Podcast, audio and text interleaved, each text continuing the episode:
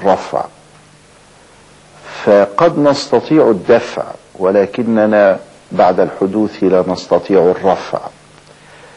فنترك الشيء على ما هو عليه لأننا بذلك نحقق المصلحة. وفروع هذه القاعدة متعددة. تظهر معنا في باب الطهارة.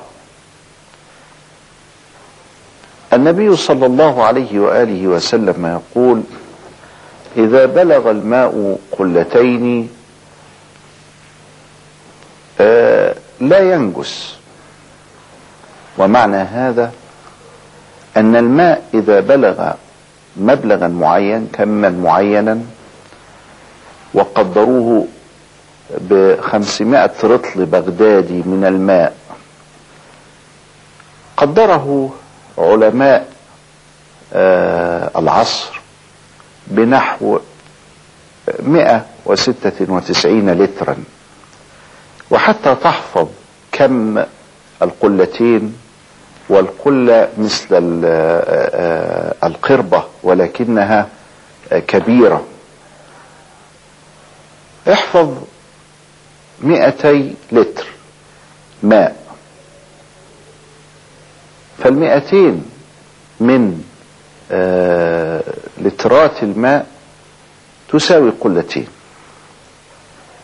إذا بلغ الماء هذا المبلغ ووقعت فيه نجاسة ولم تغيره لم تغير رائحته لم تغير لونه لم تغير طعمه فإنه لا ينجس. فلو كان هناك حمام سباحة صغير ووقعت فيه نقطة بول فإنه لا ينجس ويجوز التطهر به. لا ينجس الماء الكثير ما معنى الماء الكثير؟ أكثر من قلتين أكثر من مئتي لتر. إلا إذا وقعت فيه نجاسة فغيرت أحد أوصافه الثلاثة اللون الطعم الرائحة. وما دام طاهرا فهو طاهرا طهورا ولذلك يجوز أن تتوضأ منه. فلو غمس أحد الناس نفسه في حمام السباحة الصغير الذي هو أكثر من 200 لتر ونوى رفع الحدث من عليه نوى رفع الجنابة نوى رفع حدث الوضوء فإنه يرتفع. خرج من الحمام.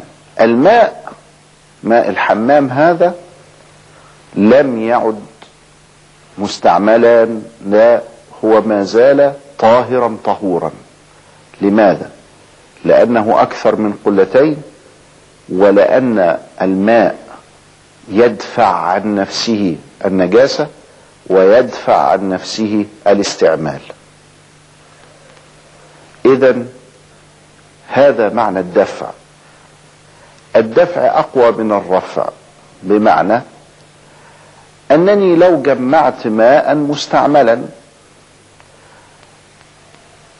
وجمعته لترا لترا عشرة لتر عشرة لتر إلى أن صار عندي مئتي لتر. فهل يصير بذلك طاهرا طهورا لأنه أصبح فوق القلتين أكثر من القلتين أو قلتين فزيادة؟ فيه اختلاف بين العلماء. وسبب هذا الاختلاف هنا وعدم الاختلاف في الصورة الأولى بالرغم أن هذا 200 لتر وهذا 200 لتر. هذا قد تم استعماله وهذا قد تم استعماله. فما الفرق بينهما؟ قالوا الفرق أن الدفع أي صد الاستعمال من البداية أقوى من الرفع وهو الاستعمال في أثناء جمع الماء لترا لترا أو عشرة عشرة وهكذا. فالدفع أقوى من الرفع. هيا بنا إلى فرع آخر يتضح به المعنى أكثر. فمثلا عندنا الزوج في الشافعية خلافا للحنفية يجوز له أن يمنع زوجته من حج الفرض لأن الشافعية ترى أن الحج ليس على الفور بل على التراخي. إذا لم نفعله هذه السنة نفعله السنة التي بعدها. فالزوج يستطيع أن يمنع زوجته ويقول لها أنا لا أأذن لك أن تسافري هذا العام. سافري العام القادم. هو ليس له أن يمنعها مطلقا لكن له أن يؤجلها. الحنفية قالوا لا يجوز له أن يؤجلها وليس له هذا الحق. خلاف بين الشافعية والحنفية. سنسير الآن مع الشافعية ونرى.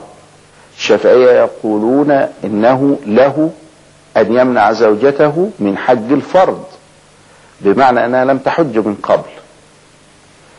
وإذ بهم يختلفون فيما لو شرعت بالإحرام.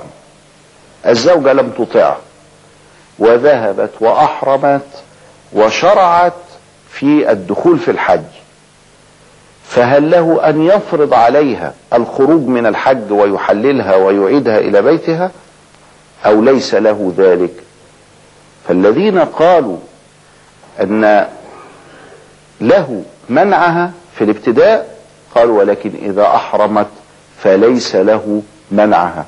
خلاص دخلت في نطاق الحج وما دامت قد دخلت في نطاق الحج فليس له ولا يستطيع أن يخرجها. لماذا؟ لأن الدفع أسهل وأقوى من الرفع. يمكن أن تفعل هذا في الابتداء لكن لا يمكن أن تفعل هذا أثناء وجودك في في دخلت المرأة في الحج. فأثناء وجود المرأة في الحج لا يجوز لك أن تخرجها. في أحكام للتيمم. وجود الماء قبل الصلاة للمتيمم. تيممت وقبل الصلاة وجدت الماء. يمنع الدخول فيها. يبقى لابد إذا حضر الماء بطل التيمم. فلا بد أن أتوضأ. فإذا انقطع الماء في البيت واضطررت إلى أنني أتيمم. وقبل الدخول في الصلاة جاء الماء. أذهب فأتوضأ. الماء منع. ودفع قدرتي على استعمال التيمم للصلاة. ولكن لو أنني دخلت في الصلاة بالتيمم ثم سمعت أن الماء قد جاء أو رأيت وأنا في الصلاة أن الماء قد جاء لا تبطل الصلاة ولا أخرج منها ولا يمنعني هذا المجيء من الصلاة. إذا مجيء الماء يمنع قبل الصلاة ولا يمنع أثناء الصلاة. ما الفرق؟ أن الدفع أقوى من الرفع. كان يمكن لهذا الدفع أن يدفع دخولي ويمنع دخولي من الصلاة لكن أثناء الصلاة فإنه لا يستطيع أن يرفع حكم هذه الصلاة. فروع كثيرة جدا حول الدفع أقوى من الرفع. وهذا يبين لنا أن القاعدة الواحدة تسير في أبواب متعددة تربط الفقه الإسلامي كله وتمكننا من الإلحاق بها فيما يجد لنا من فروع. إلى حلقة أخرى أستودعكم الله دينكم وأماناتكم وخواتيم أعمالكم والسلام عليكم ورحمة الله وبركاته.